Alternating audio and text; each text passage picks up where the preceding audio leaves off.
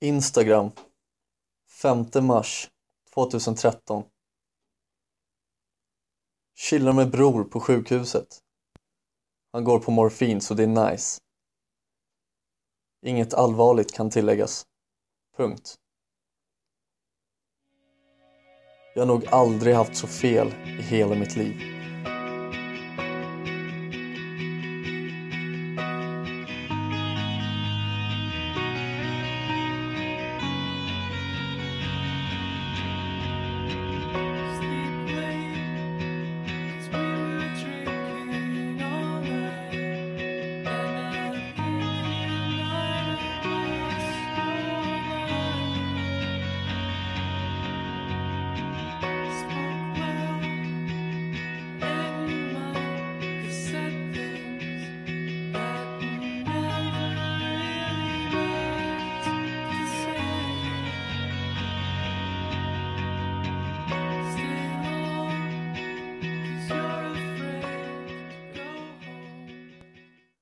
Coffee and Keys med Dear Leap. Det var en låt jag lyssnade på den här morgonen på vägen till jobbet på bussen. Jag jobbade av en händelse vid Karolinska sjukhuset dit jag senare skulle åka under dagen. Den här dagen började som vilken dag som helst egentligen. Och den här låten har eh, etsat sig fast i mitt minne. Dels för att den här dagen det är en dag som har eh, präglat mitt liv kan man väl säga, präglat min familjs liv. Och att den heter just Coffee and Keys. Och det var så jag började min dag. Jag drack kaffe och glömde nycklarna. Som vilken dag som helst, egentligen. Hur som helst. Jag åkte till Karolinska. Jobbade. Jobbade i ett hus utanför. Eh, jag jobbade då som plåtslagare. Och vi skulle plåta in några, några rör helt enkelt. Så vi isolerade de här rören. Fjärrvärmerör har jag för mig att det var. Stora jävlar var det.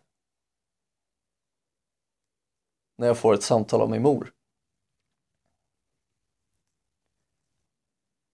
Jag åkte in till sjukhus med Milton. Han är på Karolinska nu. Skulle du kunna komma dit? Jag skulle behöva åka hem till eh, Trojo Maximus. Trojo Maximus är mina andra småbröder. Ja, absolut. Det kan jag göra. Tänkte jag. Och tänkte, skönt. Då slipper jag jobba hela dagen. Så jag sa det till mina kollegor. Jag måste åka till Karolinska. Det är någonting med min lillebror. Vi tror att det är någon lunginflammation som är ganska allvarlig så jag måste åka dit och hjälpa morsan. Ja, ja absolut. Ingen fara, åk dit. Så jag åkte dit. Eller, jag gick väl dit. Det var väldigt nära. Så när jag väl kom dit så sa morsan det att ja, Milton, han mår inte så bra. Eh, jag tror att det är lunginflammation. Så de ska, de ska faktiskt behålla honom en del av natten här. Han får, han får sova här helt enkelt. Okej, okay, tänkte jag. Eh, kommer du tillbaks? Ja, det gör jag. Men jag kanske ringer dig imorgon. Beroende på hur det går. Ja, Inga problem. Så sant som det var sagt så ringde min morsa dagen efter. Den 5 mars 2013. Så jag åkte dit helt enkelt. Morsan åkte hem. Hon skulle, jag vet inte riktigt vad hon skulle göra, kommer inte ihåg. Hon kanske skulle jobba. Hon kanske skulle ta hand om mina andra småbröder. Jag vet inte. Men när jag kom till sjukhuset så kom det en läkare och sa att det är någonting som inte stämmer här riktigt. Eh, om du skulle kunna ringa er mamma så hon kan komma hit igen så kan vi talas vid lite senare när hon kommer. Då tänkte jag, vad fan är det nu då? Det var ju bara någon lunginflammation eller något sånt. Hur som helst, jag ringde mamma. Mamma Sofie, som hon heter. Och hon kom tillbaka till sjukhuset. Och då hade Milton blivit tilldelad ett eh, singelrum så han låg i mitten utav rummet på den här britsen, den här sjukhussängen. Och jag och morsan satt i, i det här rummet då i varsin stol och väntade på att läkaren skulle komma. Och under den här tiden så var det massa tankar som eh, flög in och ut i mitt huvud och jag undrade vad fan är det som pågick. Det kändes som en evighet innan det kom in en tjej och eh, gav oss beskedet att Milton, min lillebror, 14 år, hade fått en eh, akut njursvikt. Och direkt när jag hörde akut och njursvikt så kände jag en eh, slag rakt i bröstet. Det var någonting som, en, en tyngd som var överhängande över hela rummet. Och jag kände att mitt huvud sjönk ner mellan mina knän. Jag knöt mina nävar för att inte börja gråta helt enkelt. Jag försökte hålla tårarna inne. Jag ville inte skrämma Milton. Han låg ju faktiskt i det här rummet. Det gick inte så bra. Jag började gråta. Min morsa började gråta. Jag kommer aldrig glömma det här riktigt. Men Milton, som var vaken, frågade vad som hände. Är det något allvarligt? Är det något farligt? Kommer jag dö?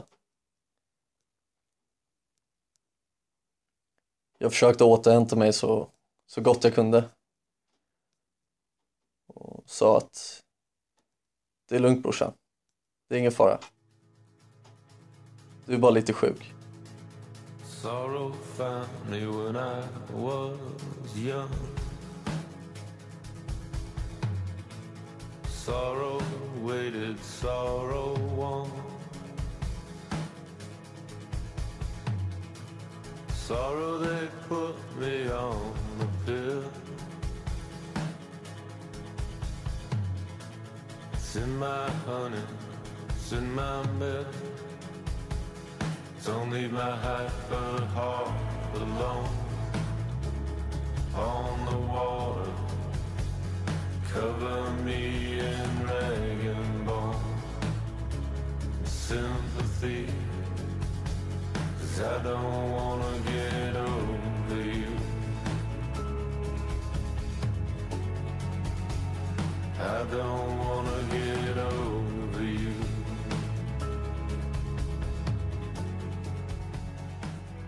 Sorrow med uh, The National. Den här låten lyssnade jag på väldigt mycket under den här tiden. Uh, och själva låttiteln är ju Sorrow. Det var väl ungefär det jag kände då. Uh, och jag var nog inte ensam. Bra band för övrigt. Hur som helst. Vi hade fått reda på det här vi hade fått beskedet akut njursvikt shit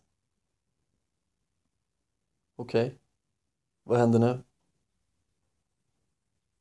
Så vi fick möta upp en eh, specialist på njursjukdomar eller något sådant. Jag kommer inte riktigt ihåg om jag ska vara ärlig. Men vi fick möta den här läkaren och en, en, en man som eh, en väldigt bra läkare. Han eh, talade klarspråk om man säger så. För att vara läkare då alltså. Så han sa att Milton ska förflyttas till Huddinge sjukhus.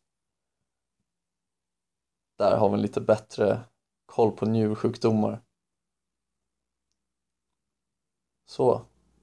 Milton fick åka till Huddinge sjukhus i en eh, ambulans faktiskt.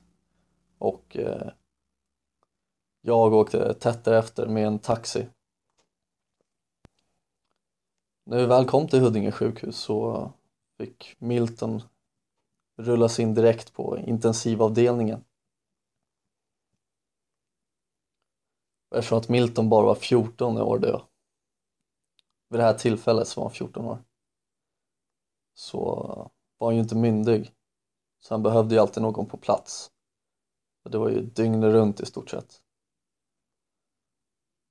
Så jag hade ringt min chef och sagt att eh, min bror han är ganska allvarligt sjuk, visar det sig. Så jag kan inte jobba. Jag vet inte hur länge jag kommer bli borta men jag kan verkligen inte jobba nu. Ja, förstående. Så han sa det, absolut. Var borta så länge du vill eller behöver. Morsan då? Hon behövde ju ta hand om mina andra småbröder så hon hade ju inte riktigt lika enkelt. Jag hade ju ingen familj själv då, om vi säger så. Jag var ju en, en singelkille. Bodde i en liten etta ute vid eh, Sundby, Bromma. Så det naturliga var då att eftersom att vi skulle, han skulle ha någon med sig dygnet runt så tog min eh, morsa då, våra morsa tog eh, dagarna jag fick ta nattpassen. Och de här nattpassen är något jag aldrig kommer glömma. Jag kommer aldrig glömma någonting utav det här men, men nattpassen var något helt annat. Och då kan jag inte ens tänka mig hur Milton hade det. Det var ju ändå han som var sjuk. Han fick ju gå igenom all den här, all den här skiten. Det här helvetet han gick igenom. Och jag kunde ju inte göra någonting. Jag satt ju bara och kollade på. Jag har nog aldrig känt mig så maktlös heller.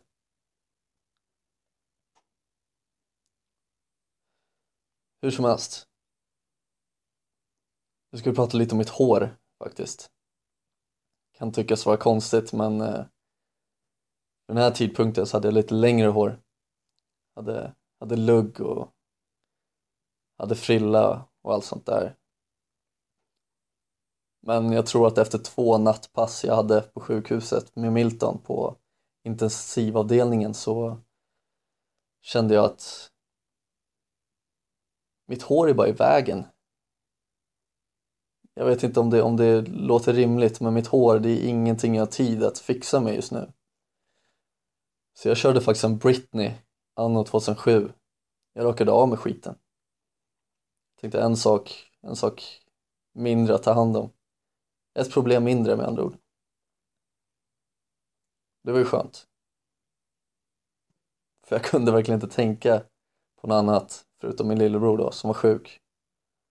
Så jag sket fullständigt i hur jag såg ut om jag ska vara ärlig. Och det var ju bra. Det skulle jag inte göra heller. Med de här nätterna, de här nattpassen jag fick ta. Jag satt alltså vid en, eh, på en fåtölj eh, vid sjukhussängen där Milton låg i om nätterna. Jag tror att jag kom till sjukhuset vid eh, fem, sex på kvällen kanske och stannade där tills sju, åtta på morgonen efter. Så jag var med hela natten. Och han var ju inte själv där på intensivavdelningen. Det var ju, det var ju flera personer där som eh, var sjuka och behövde hjälp. Men jag kan bara tänka mig. Milton, han ligger där sjuk. Han vill ju sova liksom. Det... Jag vill ju sova också men det, det gick inte riktigt. Jag hade ju en uppgift där också. Jag skulle ju ta hand om honom. Jag skulle ju vaka över honom. Även om det fanns pers personal där som gjorde det. Men de behövde ju ändå en, en närstående som var där dygnet runt så självklart sitter jag där. Jag, jag sitter där vid sängen. Men eftersom att det var så många personer i det här rummet då, så, och det var en massa medicinpåsar och dylikt som behövde bytas så var det i stort sett ett konstant pipljud i hela lokalen av eh, mediciner som behövde bytas ut och folk som eh, vred sig i, eh,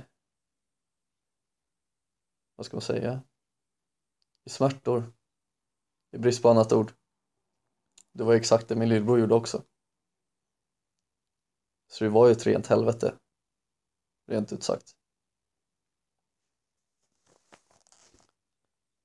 Och om jag ska vara helt ärlig så på alla sjukhus finns ju ett bönrum.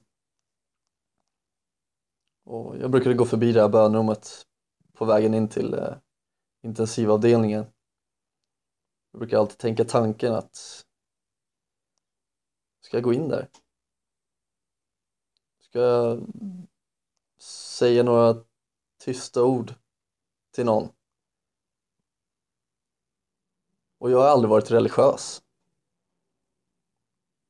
Det närmaste jag har kommit är tror Bibeln för barn.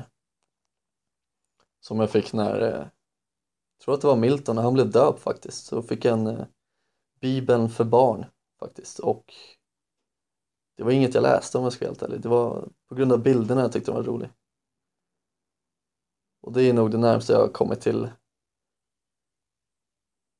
ordet Gud eller personen Gud eller saken Gud. Så jag gick faktiskt aldrig in i det här bönrummet. Men jag skulle ljuga om jag inte tänkte tanken. Dagarna gick. Nätterna gick. Det kändes som att det blev bättre. Det blev bättre. Det blev bättre runt påsk.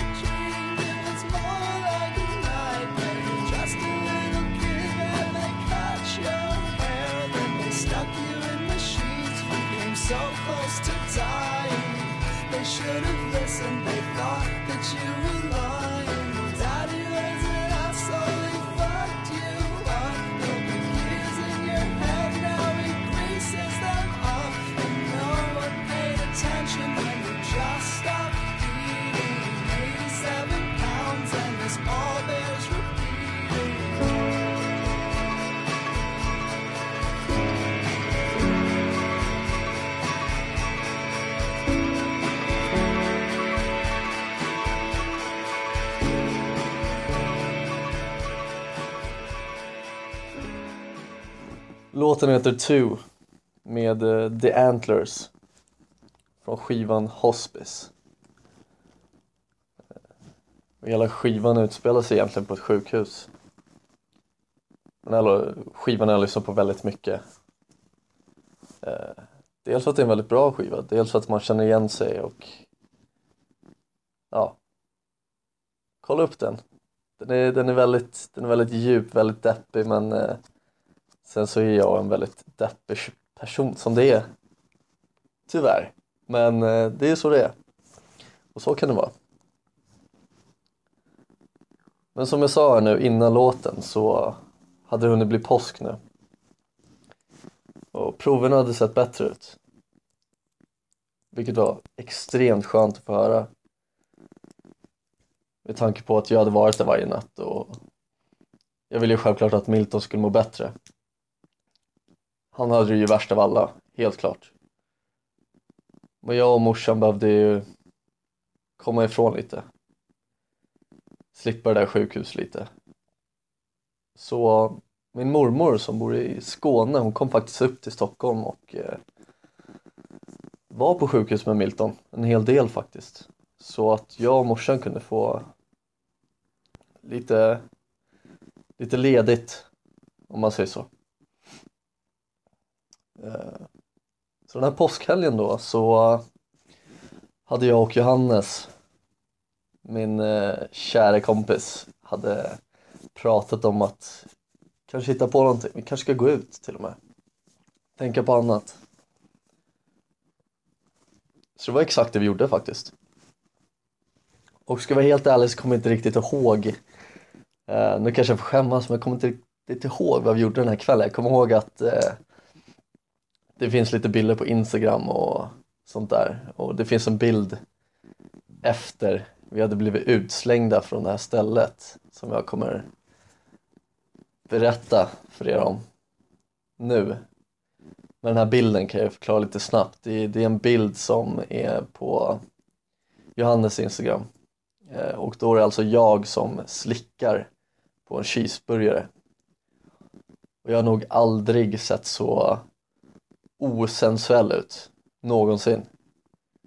Eh, och det är väl bra. Man kan ju inte alltid se sexig och bra ut. Inte för att jag alltid gör det. det är väl eh, mer en regel eh, än ett undantag att man ser osensuell ut. Hur som helst. Jag och Johannes gick ut. Vi åkte in till stan. Eh, nu börjar, nu börjar mitt minne liksom fallera här lite men jag ska försöka förklara så mycket jag kan. Jag antar att vi åkte in till stan. Jag vet att vi åkte in till stan. Men jag kommer inte riktigt ihåg vart vi gick. Förrän vi kom till eh, det finns ett ställe vid Norrmalmstorg som heter Rose. Eh, och det är väl, det är väl en, klubb skulle jag vilja säga. De, eh, massa dansgolv liksom. man, man går in dit för att dansa. Eh, men innan dess hade vi väl tagit några öl på ett annat ställe. Jag kommer inte riktigt ihåg. Det blir bakläxa på det där. Men eh, vi ville in där på Rose. Eh, och det, det var en väldigt lång kö kommer jag ihåg. Eh, så att vi kollade på varandra och eh, tänkte ja vad fan vi kan, väl, vi kan väl hoppa över staketet här. Vi hoppar över och in till rökrutan då eller till den här uteserveringen de hade byggt om till eh, rökruta då. Eh, så jag då, jag går fram till det här staketet och där står några tjejer och röker och dricker någon drink eller någon öl eller något sånt där. Som står vid ett sånt där litet runt barbord. Ni förstår säkert vad jag menar. Så jag frågar dem. Kommer ni säga någonting om jag och min polare hoppar in här? Eller är det lugnt? Och de sa, nej men gör det. Det är ingen fara, absolut. Go for it. Så då tänkte jag, ja fine. Så jag hoppade in. Inga problem alls. Smidig som en katt. men sen så var det Johannes tur. Och jag vet inte riktigt vad som hände där men jag tror att han fastnade i staketet halvvägs eller något sånt där så han, han kom liksom över med en fart. Så han liksom puttade in mig i de här tjejerna så där, i det här bordet där deras drinkar stod på liksom och välte ut lite. Och jag tänkte shit, nu blev vi utslängda. Men det var, ingen, det var ingen som märkte det förutom de här tjejerna då. Men de hade ju faktiskt lovat att inte säga någonting. Så jag bad lite snabbt om ursäkt och sen sprang vi in på Rose då helt enkelt. Och jag kommer ihåg den här utkvällen ganska på det här stället då. Ganska som att det vore igår. Jag kommer ihåg att jag och eh, Johannes, vi hade, vi hade båda skinnjackor på oss. Jag hade mössa till och med. Det var extremt varmt där inne. För vi, eh, vi hade inte kommit in den eh, vanliga vägen eller den vägen man skulle komma in på. Så vi hade ju inte hängt av oss kläderna i någon garderob eller något sånt. Så vi sprang omkring där med ytterkläder och det var ganska kallt nu också. Ehm, jag kommer ihåg att alla var liksom, det var, det var sånt glatt humör här inne. Så jag glömde helt och hållet bort det här med sjukhuset och Milton och allt det där jag glömde ju absolut inte bort det till 100%. Det var, fanns ju alltid någon, ett uns utav en uns utav oro i eh, huvudet. Men just där och då så var det nästan så bortblåst. Det kan jag göra med alkoholen också om man ska vara ärlig men hur som helst. Väl där inne så var det en väldigt skön stämning och folk kollade på en och pekade på en och gav high fives och allt sånt där och log mot en. och det var bara härlig stämning. Så vi var där inne, jag kommer inte riktigt ihåg hur länge vi var där inne, det kanske var någon timme. Eh, sen så vet jag inte riktigt vart Johannes tog vägen. Men eh, jag gick ut och så där stod han. Och tydligen så hade någon vakt kommit fram till honom när han hade gått in på muggen bara och sagt att han skulle ut. Han var inte för full eller något sånt, han, han skulle bara ut. Jag vet inte om de hade kommit på att vi hade kommit in på något annat ställe, men, eller på något annat sätt än eh, genom dörren då. Eh, men eh, ja, han, han blev utslängd helt enkelt och det har väl hänt alla. Jag blev utslängd många gånger i mitt liv. Men just den här kvällen, då var det, då var det Johannes som blev utslängd så jag gick ut dit och, och kollade och där stod han och så då sa jag, ja men då sticker vi då. Så då stack vi till eh, McDonalds då. Så jag kan återkoppla lite med den här Instagram-bilden när jag slickar på den här cheeseburgaren. Och där jag förevigades. Eh, hur som helst, och sen så vi snusade också den här kvällen, kommer jag ihåg att köpte någon snus inne på Rose här för mig och så vi snusade och ingen av oss var ju snusare vid den här tiden. Så och när man snusar första gången så bränner det, svider ganska mycket under läppen, ni som inte vet. Men eh, så vi sprang omkring där li, lite för överförfriskade och eh, hade snus under läppen som sved. Så vi sprang ut från Rose skrikandes om att det sved och om att vi har snus under läppen. Vilket var lite barnsligt kanske, men det, det var kul. Det var väl sånt vi gjorde, jag och Johannes. Dumheter. Fånigt, barnsliga saker. Saker jag uppskattar.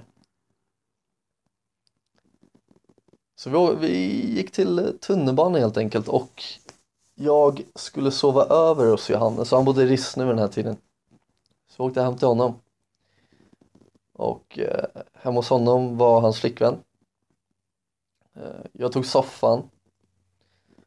När vi kom hem så var vi fortfarande lite för fulla och på lite fnittrigt humör om man säger så. så den här soffan då, jag låg i vardagsrummet och soffan låg vägg i vägg med eh, hans säng då. Där också hans flickvän låg. Och vi höll på att dunka i den här väggen och, och käka kexchoklad kommer jag ihåg. Han, han sprang ut, ut ur rummet och in i vardagsrummet och kollade på mig och slängde en kexchoklad på mig och, och fnissade lite så här barnsligt. Det, det var härligt.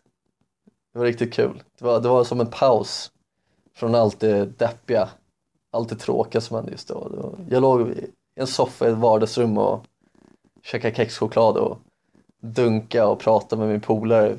Vägg i vägg var vi. Så det var skitkul. Och det var den påskhelgen. Det var nog första gången jag hade varit ute på några veckor. Jag hade, jag hade nog inte ens druckit en öl på några veckor. Och det är inte det som är grejen heller men jag fick ju lite ledigt då från sjukhuset och det var verkligen någonting jag behövde.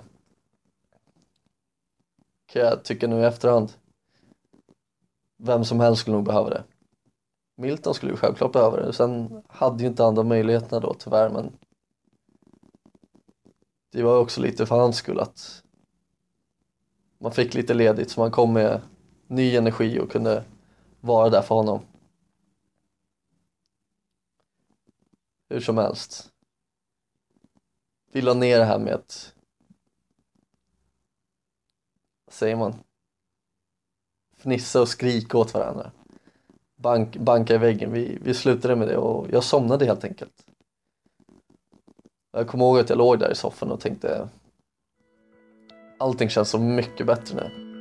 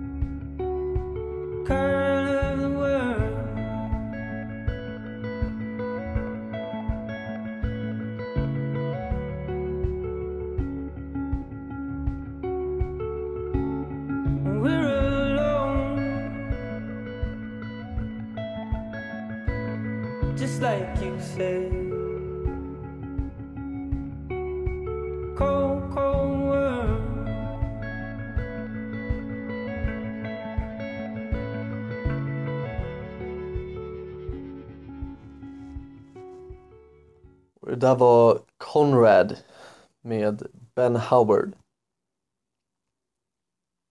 Han gör bra musik. Jag missade honom när han var i Stockholm senaste gången men ja.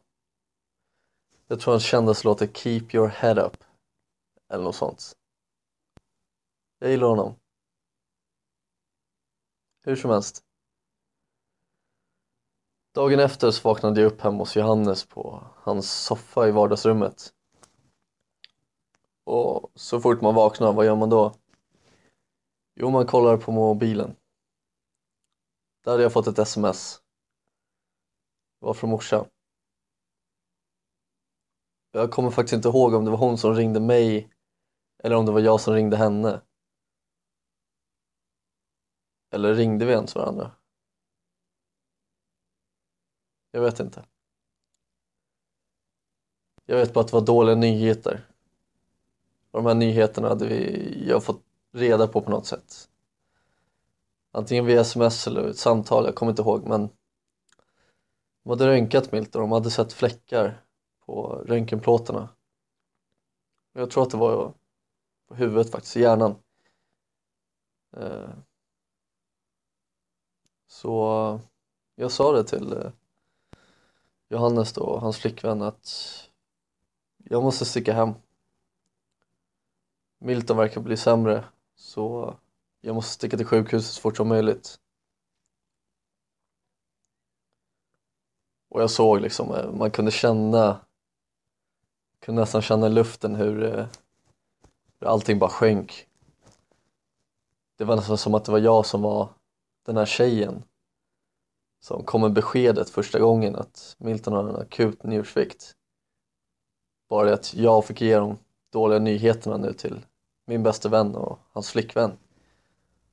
Och jag kände verkligen hur allting bara sjönk och jag var ju tvungen att gå så jag gick helt enkelt. Och från Rissne till där jag bodde då vid den här tidpunkten så tog det ungefär 20-30 minuter att gå så att jag gick hem faktiskt. Och jag lyssnade på musik. Och musiken har alltid varit där för mig. Jag, jag lyssnar ju alltid på musik. Så fort jag är ensam så sätter jag på musik. På jobbet så har jag hörlurar i. Alltid. Musiken kom in rätt tidigt i mitt liv också.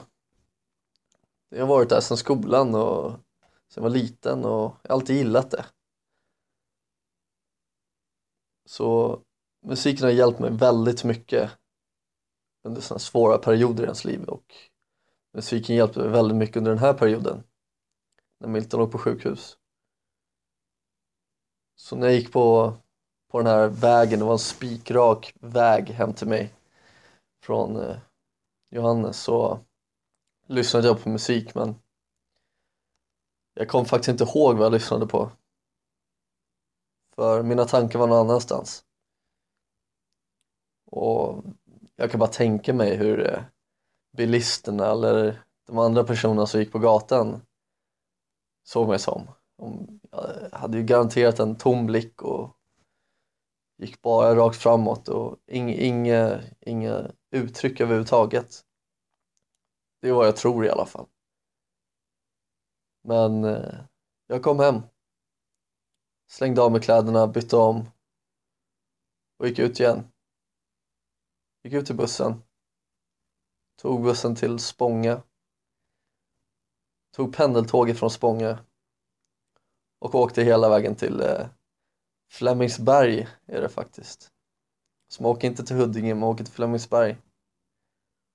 Och sen är det väl en gångväg på 10 minuter till eh, sjukhuset då.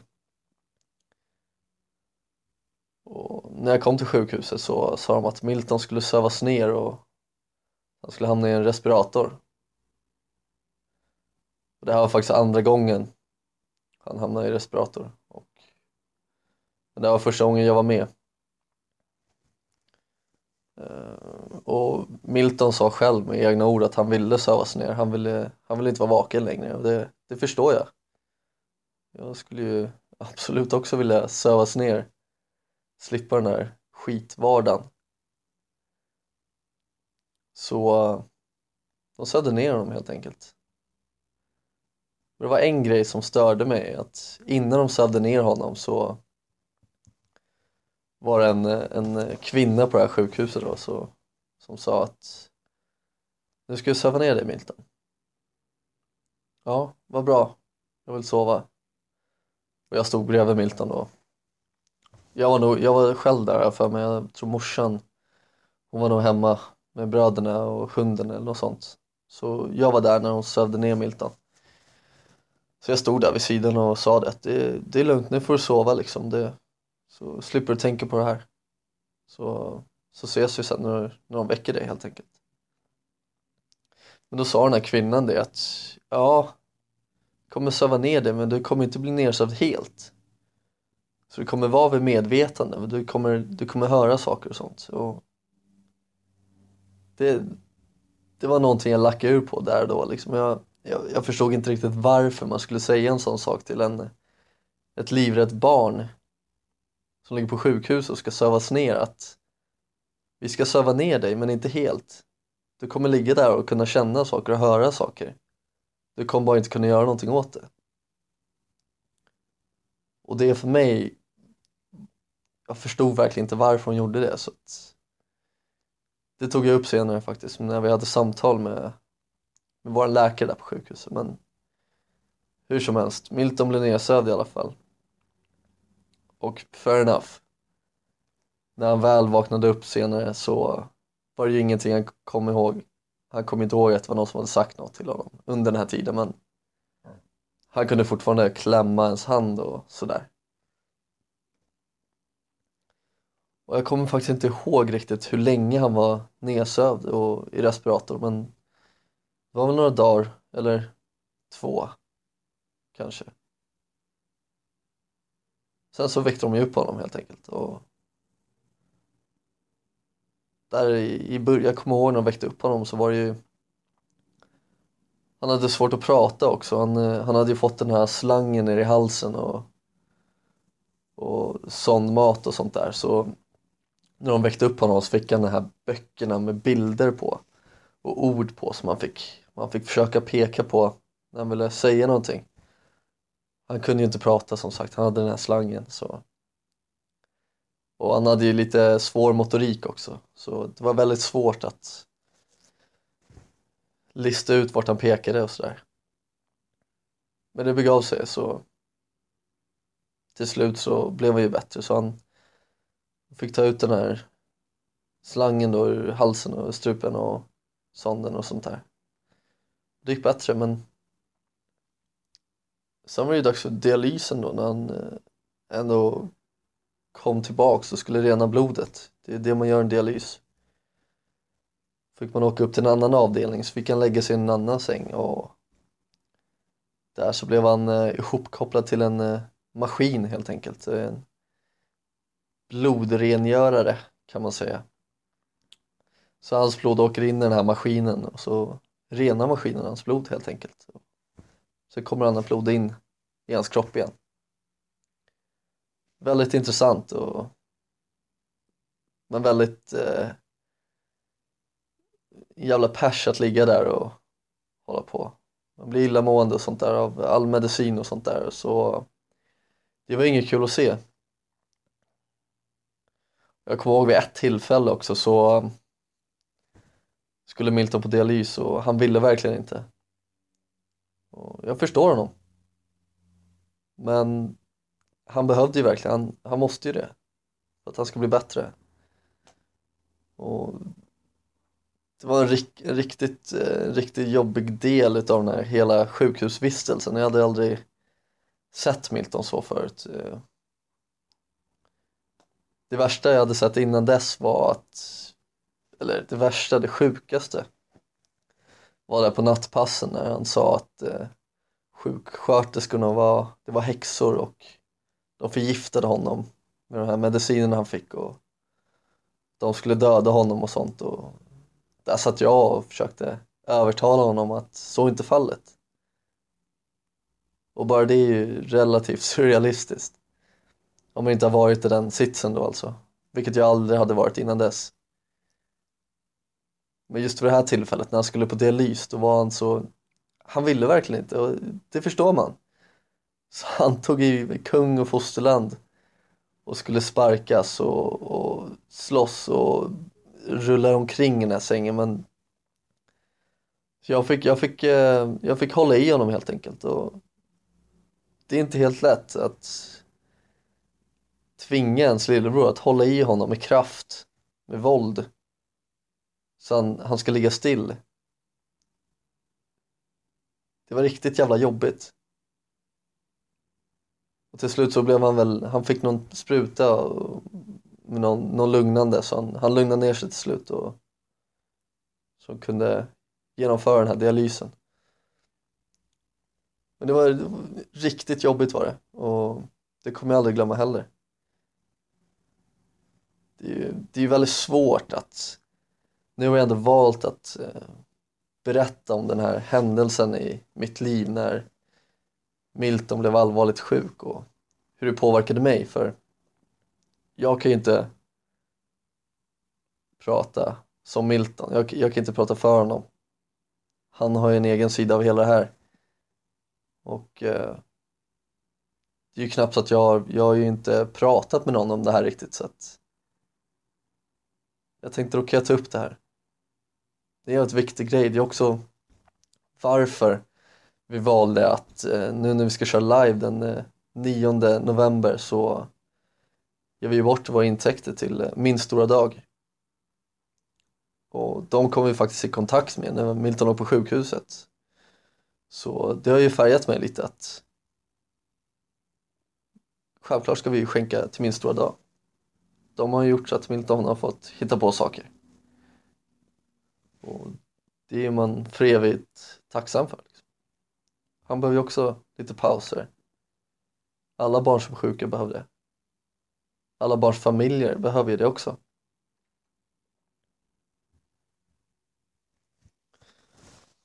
Så det som är grejen nu att Milton åkte in på sjukhuset den eh, 4 mars 2013. Han blev utskriven den 27 maj samma år. Det är ett ganska bra tag att bara ligga i en säng och bli fullproppad av mediciner och må dåligt dygnet runt och inte kunna sova och inte kunna gå och göra de mest vardagliga sakerna man gör i sitt liv utan hjälp.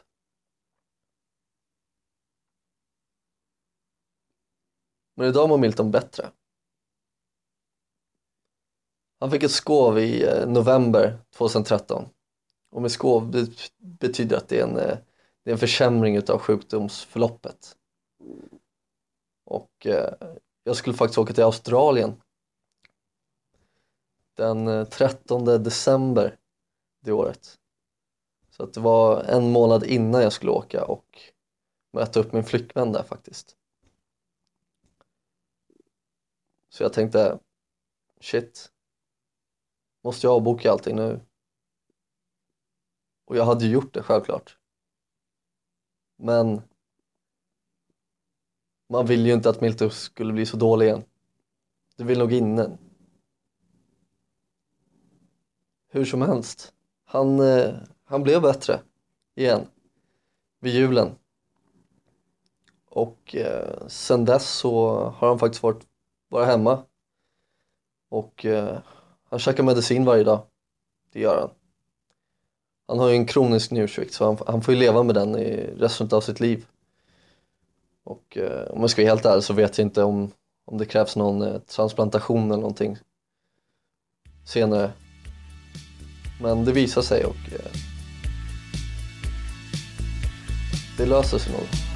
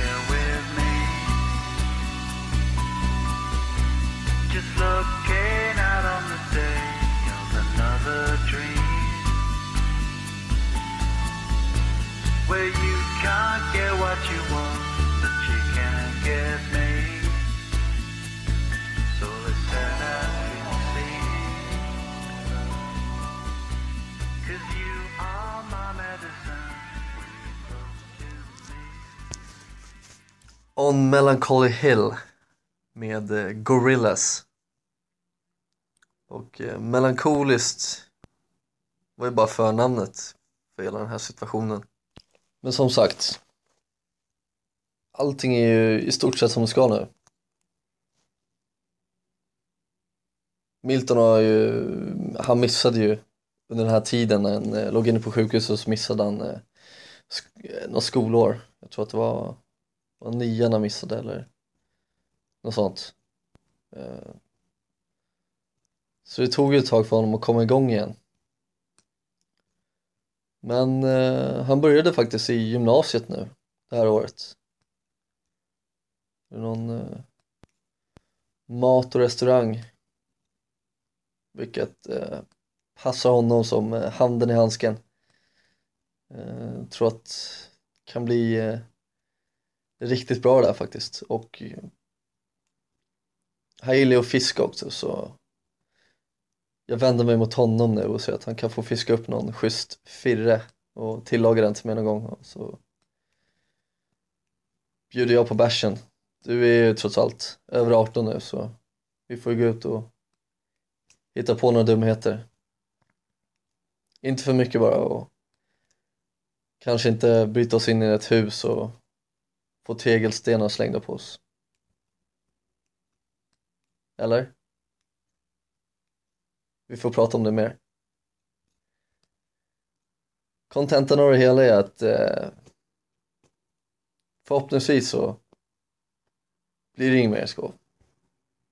Det blir inget mer sjukhusvistelser. Men om det blir det så ställer jag upp som alltid. Jag kommer alltid vara där. Även om jag aldrig riktigt har sett mig som eh, den ultimata storebrodern.